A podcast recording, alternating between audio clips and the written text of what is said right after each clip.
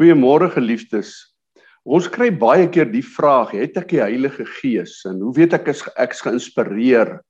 En uh hoe moet ek maak om uh, met die Heilige Gees kontak te maak? En so het ons heel wat vrae oor die Heilige Gees en ek onthou dit's immer groen vrae van die Christen.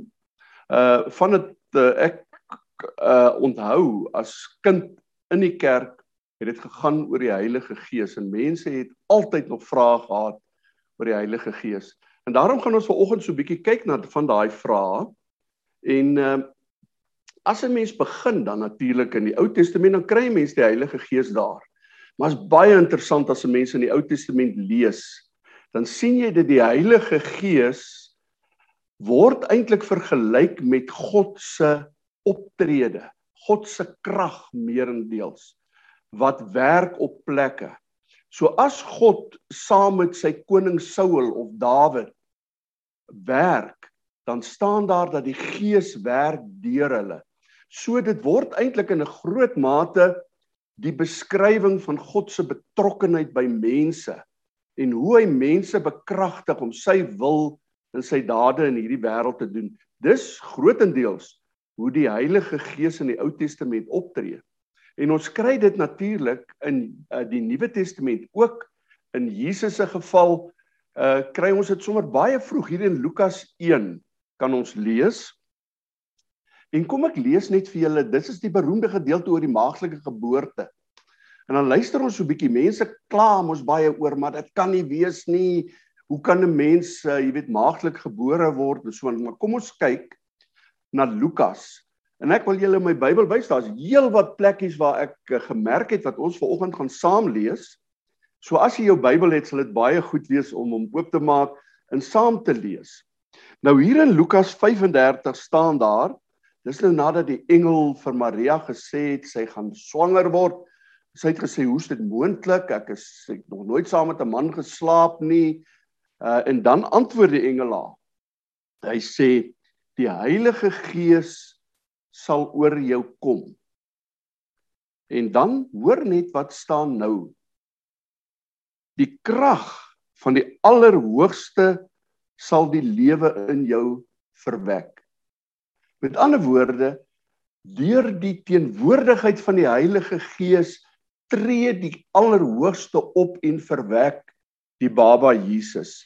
En dan sê Maria maar weet dis baie snaaks dan verduidelik die engel verder en dan sê hy ehm um, niks dis nou vers 27 niks is vir God onmoontlik nie. So hier kan jy baie duidelik sien uh dat met Jesus se geboorte God betrokke is deur die Heilige Gees. Sy krag word daar gemanifesteer. Ons kry op ander plekke, byvoorbeeld daar's baie sulke plekke wat mense in die Bybel kry Maar byvoorbeeld in Openbaring 4 vers 5 staan die siener in die troonsaal van God en hy sien God daar op die troon sit. En God is natuurlik die koning van die heelal wat dinge moet laat gebeur, wat heers oor die heelal en reg voor die troon, reg voor die koning. Dis natuurlik waar hy sy uitsprake gee. Hy praat met die mense hier voor hom. So reg voor hom voor hierdie koning Kom ons lees wat kry ons daar in Openbaring 4 dan staan daar vlak voor die troon het sewe fakkels helder gebrand. Dit is die sewe geeste van God. So daar sien ons dat as God opdragte gee, as God dinge wil laat gebeur, dan staan die gees van God reg om hierdie dinge, sy krag, sy teenwoordigheid in hierdie wêreld te manifesteer. So dit is 'n basiese beginsel as 'n mens oor die Heilige Gees nadink, is dit 'n basiese beginsel. Die Gees en die Vader en die Seun werk saam en die Vader is teenwoordig waar die Heilige Gees teenwoordig is. So in die Heilige Gees is die uitdrukking van die teenwoordigheid van God. Nou as ou dit onthou, is dit baie belangrik want Jy weet baie keer sê mense, uh, jy weet ek glo in God en ek het God en al die dinge. Nou vra hy vir my wat van die Gees? Hy sê nee, ek weet nie of ek die Gees het nie. Dis 'n onmoontlike stelling. Want jy kan nie die uh, God hê en nie sy Gees hê nie, want die twee werk saam. Die een is 'n uitdrukking in 'n sekere sin van die wil en die teenwoordigheid van die ander een. Goed, daar het ons nou ons eerste basiese uh kom ons sê fundament rondom die Heilige Gees. Maar kom ons gaan 'n mens nou verder en lees die Nuwe Testament, dan kom jy agter dat 'n baie belangrike funksie van die Heilige Gees is om mense Christene te maak. Die wedergeboorte. Jy ken daai beroemde Johannes 3 vers 3 en 3 vers 5. Jy moet weergebore word, dan sal jy die koninkryk sien. En wie is die een wat jou uh, nuut baar eintlik 'n nuwe lewe gee, die lewe van God, die Heilige Gees. So 'n basiese belangrike werk van die Heilige Gees is om in mense wat glo 'n nuwe mens te skep. Met ander woorde jou geboorte te gee. So waar jou Christelike lewe begin het, daar was die Heilige Gees van God direk betrokke. En daarom is 'n tweede belangrike beginsel, jy kan nie sê ek is 'n Christen, maar ek het nie die Heilige Gees nie. Want die oomblik toe jy weer gebore is, toe die Gees van God jou wederbaar het, op daai oomblik het die Gees van God by jou betrokke geraak. Is hy by jou? Kom ek lees net vir julle as bewys een of twee versies. Kom ons lees hoofstuk 6 van Johannes. Dis nou waar hierdie wedergeboorte in voorkom. Kom ons lees vers 63. Eh, Daar staan die gees wat iemand lewend maak. Die mens self, dis die gees wat iemand lewend maak. Die mens self kan dit nie doen nie. Jy kan nie jouself 'n Christen maak nie. Jy kan jouself nie wederbaar nie. Dis die Heilige Gees. Daarom geliefdes, is dit 'n groot troos vir my en ek dink vir julle ook vandag om te weet omdat ek 'n Christen is kan ek seker wees God se gees is by my betrokke. 'n 'n volgende belangrike versie wat ek net in die verband tog net vir julle wil noem, kom uit 1 Korintiërs 2. Waar Paulus sê ek preek met die Korintiërs en al wat ek vir hulle wil vertel is dat Jesus gekruisig is en dan kom hy sê hy hierdie boodskap van Jesus uh, wat ek verkondig het julle oortuig Met ander woorde, mense het begin glo. Hulle het verander, hulle het Christene geword.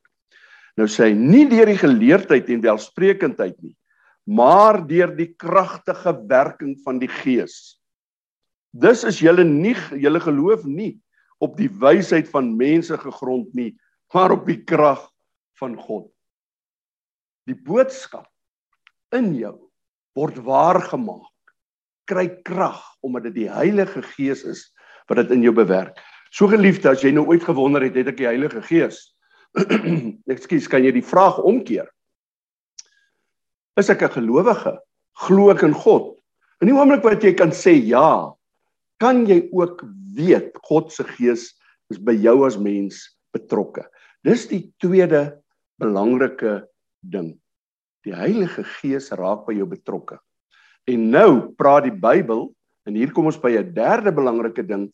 Nou praat die Bybel op 'n hele paar plekke dat ons eintlik die Heilige Gees binne in ons kry. Hy kom bly in ons. Met ander woorde, ons kan amper sê soos 'n huis wat hy hier binne in ons kom maak. God kom ons ekskuus. God kom ons van binne af uh hervorm Kom ons van ons van binne af anders maak. Kom ek lees vir julle die een of twee plekke waar dit staan of wat ek graag vir julle wil voorhou. Dit kom natuurlik dwars deur die Bybel in die Nuwe Testament voor. Maar kom ons lees byvoorbeeld 1 Korintiërs ehm uh, 3. 1 Korintiërs uh 3 vers 16. As julle daarna toe blaai vinnig, daar staan Weet julle nie dat julle die tempel van God is en dat die gees van God in julle woon nie? 'n Tempel, wat's 'n tempel? 'n Tempel is 'n huis waar God bly. En nou kom die Bybel en sê maar jy is 'n tempel. So wat maak dit van jou? Dit maak van jou 'n huis van God. Hoekom is jy 'n huis van God? Omdat die Heilige Gees in jou bly. 'n gelowige het die Heilige Gees in hom. Hy hy word nie 'n gelowige dan wag hy iewers in die toekoms sal God se Gees dalk soos 'n noodhulpman na my toe kom as ek hom nodig het nie. Nee, jy kan weet God se Gees is in jou. En dis nie net Paulus wat so sê nie. As ons na Johannes 14 vers 15 toe gaan, né, dan praat hy uh, uh sê die volgende woorde. Hy sê as julle my liefhet, sal julle my opdragte uitvoer.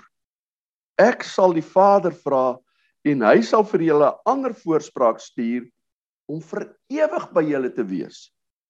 Naamlik die Gees van die waarheid. Die wêreld kan hom nie ontvang nie omdat hulle hom nie sien nie en hom nie ken nie. Maar julle ken hom sodat hy by julle bly en in julle sal wees. Dis Johannes wat hier praat en hy sê presies dieselfde as Paulus.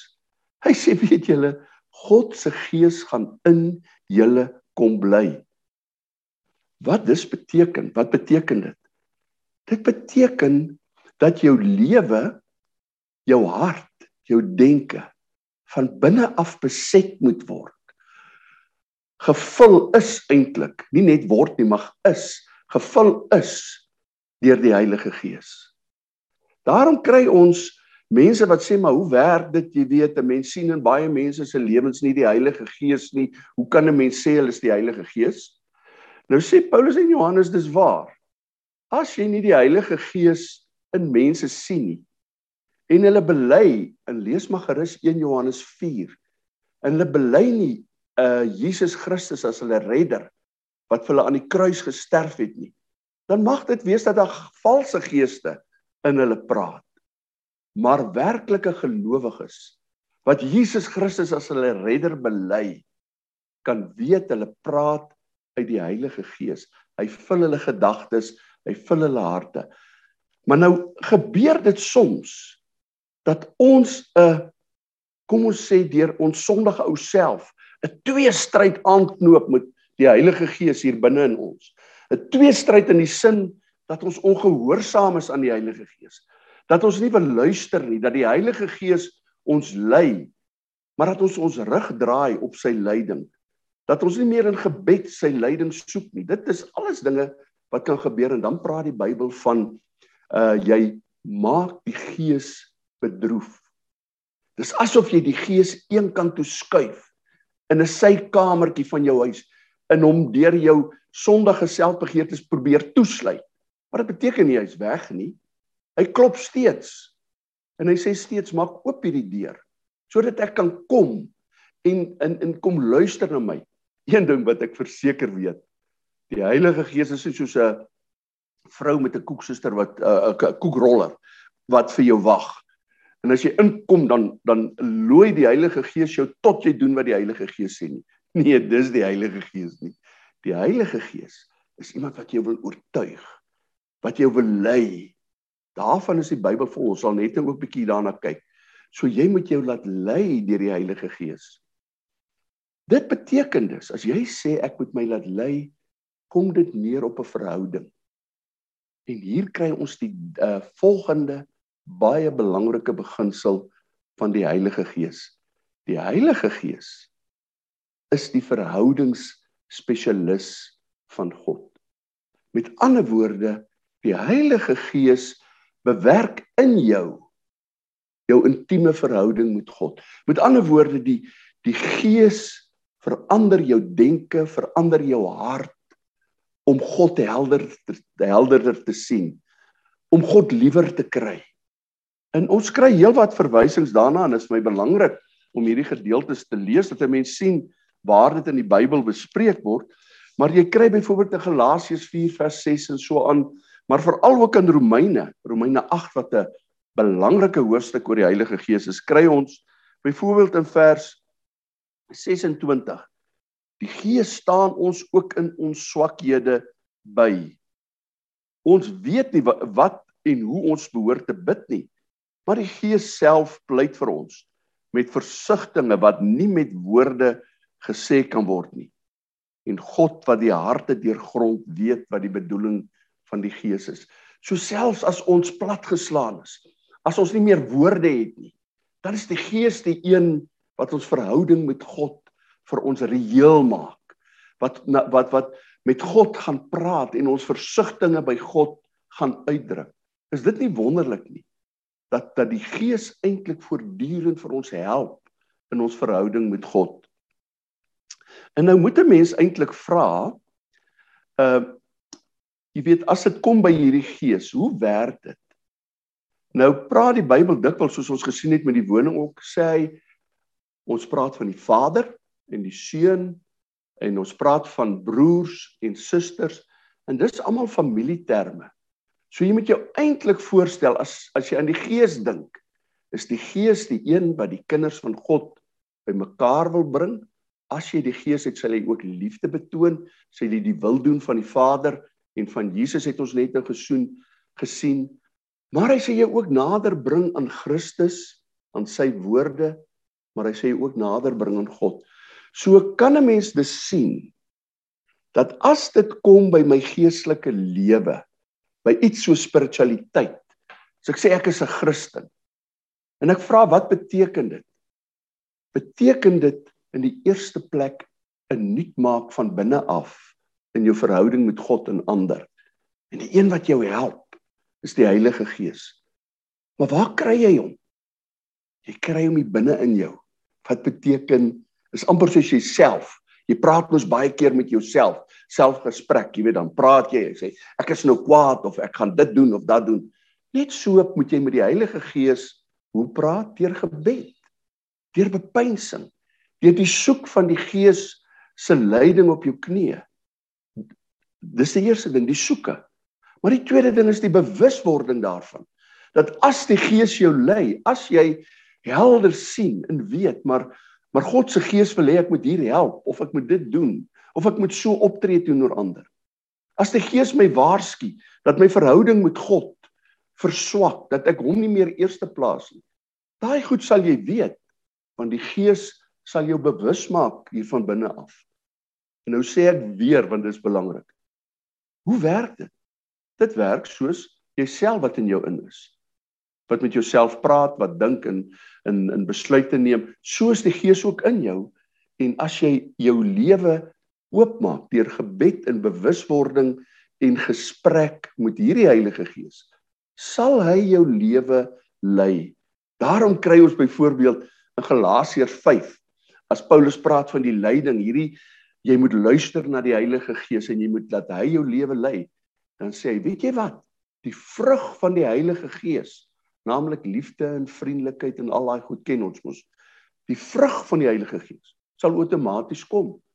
As jy in hierdie verhoudingsteenwoordigheid van God se Gees leef, hierdie spiritualiteit van ek bid en ek pyns en ek leef met die bewustheid dat God in die Gees in my is en my van binne af lei, dan sal hierdie ander dinge outomaties na vore kom. Want die oomblik wat ek byvoorbeeld iets verkeerd doen, dan sê ek vir myself, jong, nou nou tree nie reg op nie.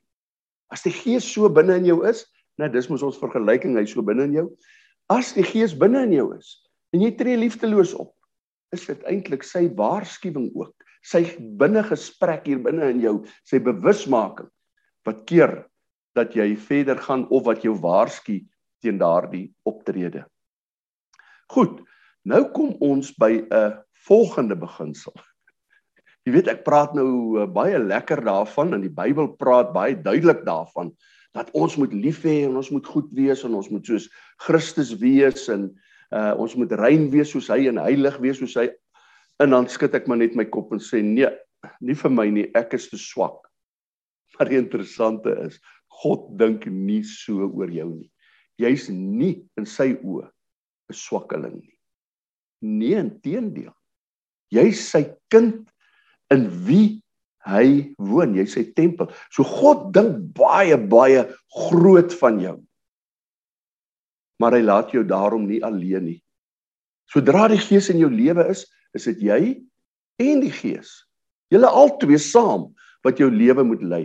En daarom praat hy byvoorbeeld in Johannes uh baie van die spesiale helper wat uh, uh God vir ons gee toe Jesus nou opvaar hemel toe, toe sê hy vir sy disippels en jy kan gaan lees van Johannes 14 tot Johannes 16 sê hy ek gaan vir julle 'n spesiale helper stuur. Nou wat is 'n spesiale helper? Nou dis 'n woord parakletos wat in Grieks gebruik word in 'n baie algemene sin. Daar was ryk mense wat al die krag gehad het, al die mag en daar was die arme mense wat onder die broodlyn geleef het. Hulle het nie mag gehad nie. En as hierdie ryk mense nou hulle mag misbruik, kon die arme mense eintlik niks doen nie. So het daar in hierdie samelewing van waar hierdie twee vlakke nou so uh ver van mekaar af was en die een die ander een kon misbruik, het daar 'n stelsel ontwikkel dat hierdie mense wat swak is, die armes, die onderdruktes, kon bevriend raak deur gunste en gawes te doen vir die ryk mense, kon hulle 'n ryk persoon bevriend. En as dit dan gebeur dat ander rykes hierdie arm persoon wil onderdruk of hom wil seermaak, dan hierdie arm persoon na sy vriend toe gehardloop wat ook deel is hiervan en gesê help my. En daai persoon se naam is 'n parakletos. So hy kon jou help as hierdie mense jou wil hof toe sleep, as hulle jou goed vat, as jy nie meer kan sien vir hoe hulle jou hanteer nie, dan het hierdie spesiale helper jou kom help. So op enige vlak kon hy jou kom help. Daarom kan jy kyk in die Bybelvertalings sal die een praat van 'n voorspraak en die ander een van 'n advokaat en 'n ander een omdat die omdat dit alles funksies is. Eh, as jy in die hofland kom hierdie helper en hy kom help jou, né? As jy iemand nodig het om vir jou voorspraak te doen by mense of by God, kom hierdie persoon en hy kom help jou. En so is die Heilige Gees. Dis die beste manier waarop Johannes kon dink hoe om die Heilige Gees te verduidelik. Is hy sê hierdie Heilige Gees is so helper dat waar jy as gelowige ook al krag, hulp, wat ook al kort kom, is die Heilige Gees daar. Want hy's in jou en hy ken jou diepste versigtings hier binne in jou. So hy weet hoe jy dink en hoe jy voel. Geliefdes, is dit nou nie 'n wonderlike belofte wat God vir ons gee en gawe nie dat die Heilige Gees hier binne in ons vir ons inderdaad bystaan om kinders van God te wees. Om gelowiges te wees. Dit bring ons natuurlik terug by 'n punt wat ons net nou gebring het oor die spiritualiteit, my godsdienstige lewe. Dit vereis natuurlik dat jy in oorgawe, in gebed, bepeinsing, 'n toewyding, in oorgawe jouself aan hierdie Gees wy, dat hy jou dat jy hom kans gee om in jou lewe te werk, om kamer vir kamer in jou huis skoon te maak, jou verstand helder te maak om God se denke te kan nadink. Want dit is wat hy wil doen. Natuurlik ook met Bybelstudie. Ons kry en ek gaan dit nou nie voorlees nie, maar as jy wil, kan jy gerus gaan lees in 1 Johannes 2 vers 26 en miskien moet ek net die een versie tog vir julle lees dat eh, wat hier staan dat hy sê julle het nie nodig dat iemand julle leer nie. Sy gees leer julle alles. En wat hy julle leer is die waarheid en nie die leuen nie. Hoe leer die Gees ons alles? Nou as 'n mens mooi kyk na jou wat Johannes sê, dan sê Johannes hy doen dit deur die woord, deur die tradisie, die die die die ehm uh, woorde, die dade van Jesus waarvan ons leer in die Bybel. So leer hy ons. Dis beteken dit nie net gebed toewy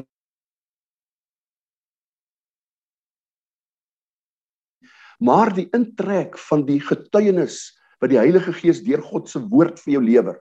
Dit is ook belangrik. So asseblief geliefdes, mense sê nie verniet jy moet jou Bybelstudie doen voor jy gaan slaap en bid nie. Dis die kern van ons Christelike geloof. Dis die kern van wie jy is.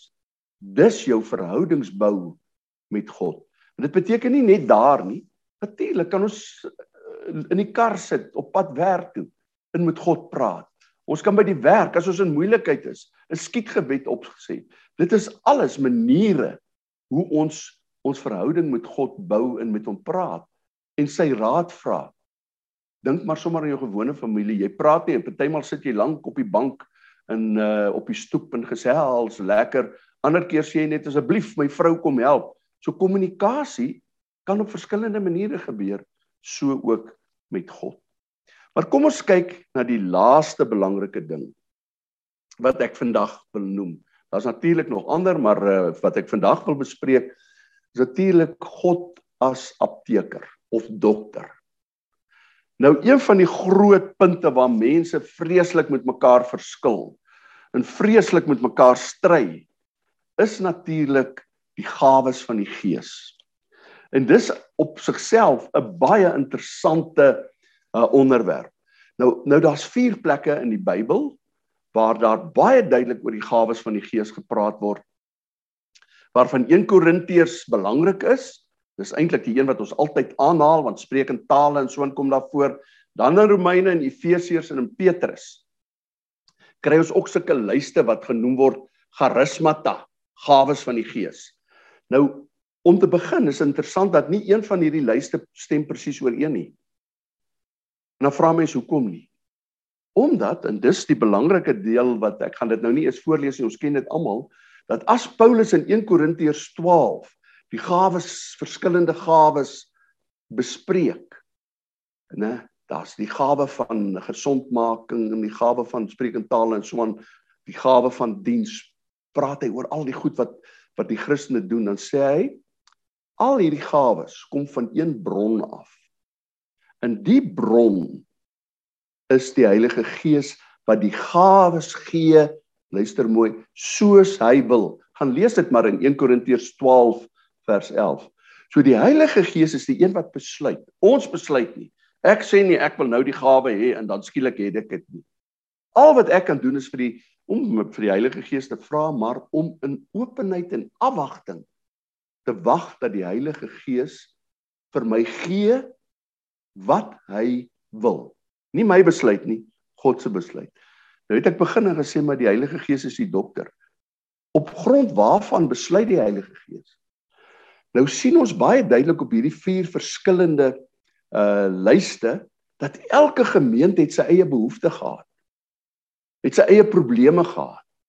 En die Heilige Gees is soos 'n dokter wat mense in gemeentes ken, want hy's in hulle en daarom weet wat hulle nodig is. Wat nodig het.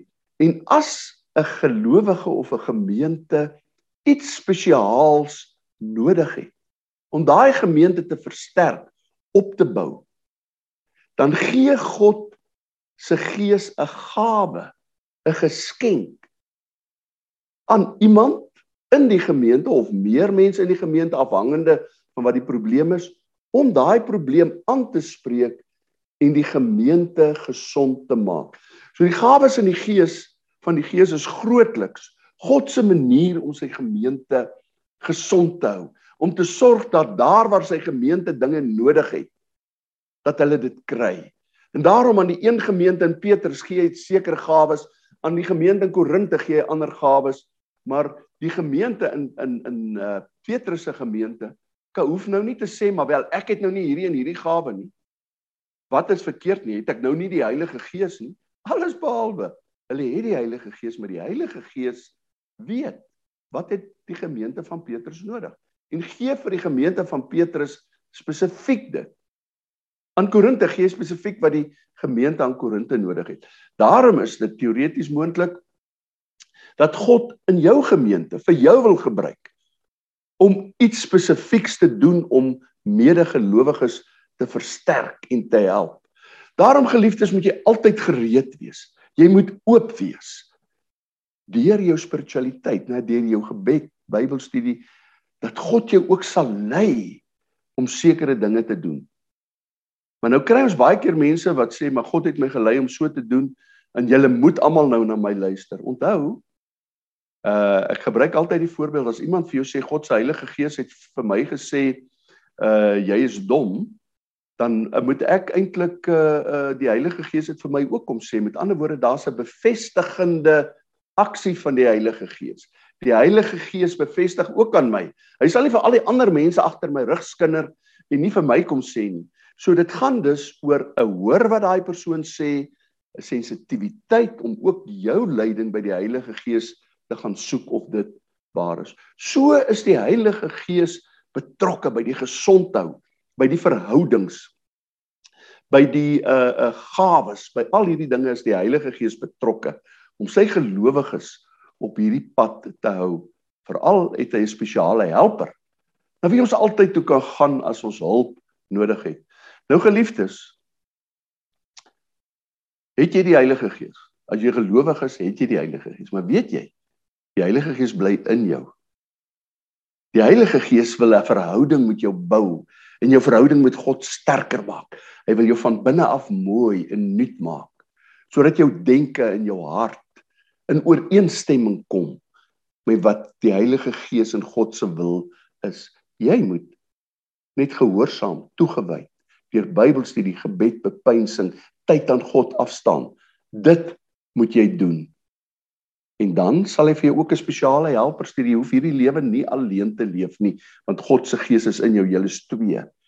Jy kan deur sy leiding hierdie spesiale helper, kan jy hierdie lewe en jou swakhede oorwin.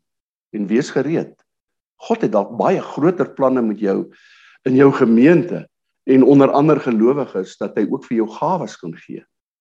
Geskenke soos hy wil om in hierdie wêreld anders te leef en 'n verskil te maak deur sy gawes.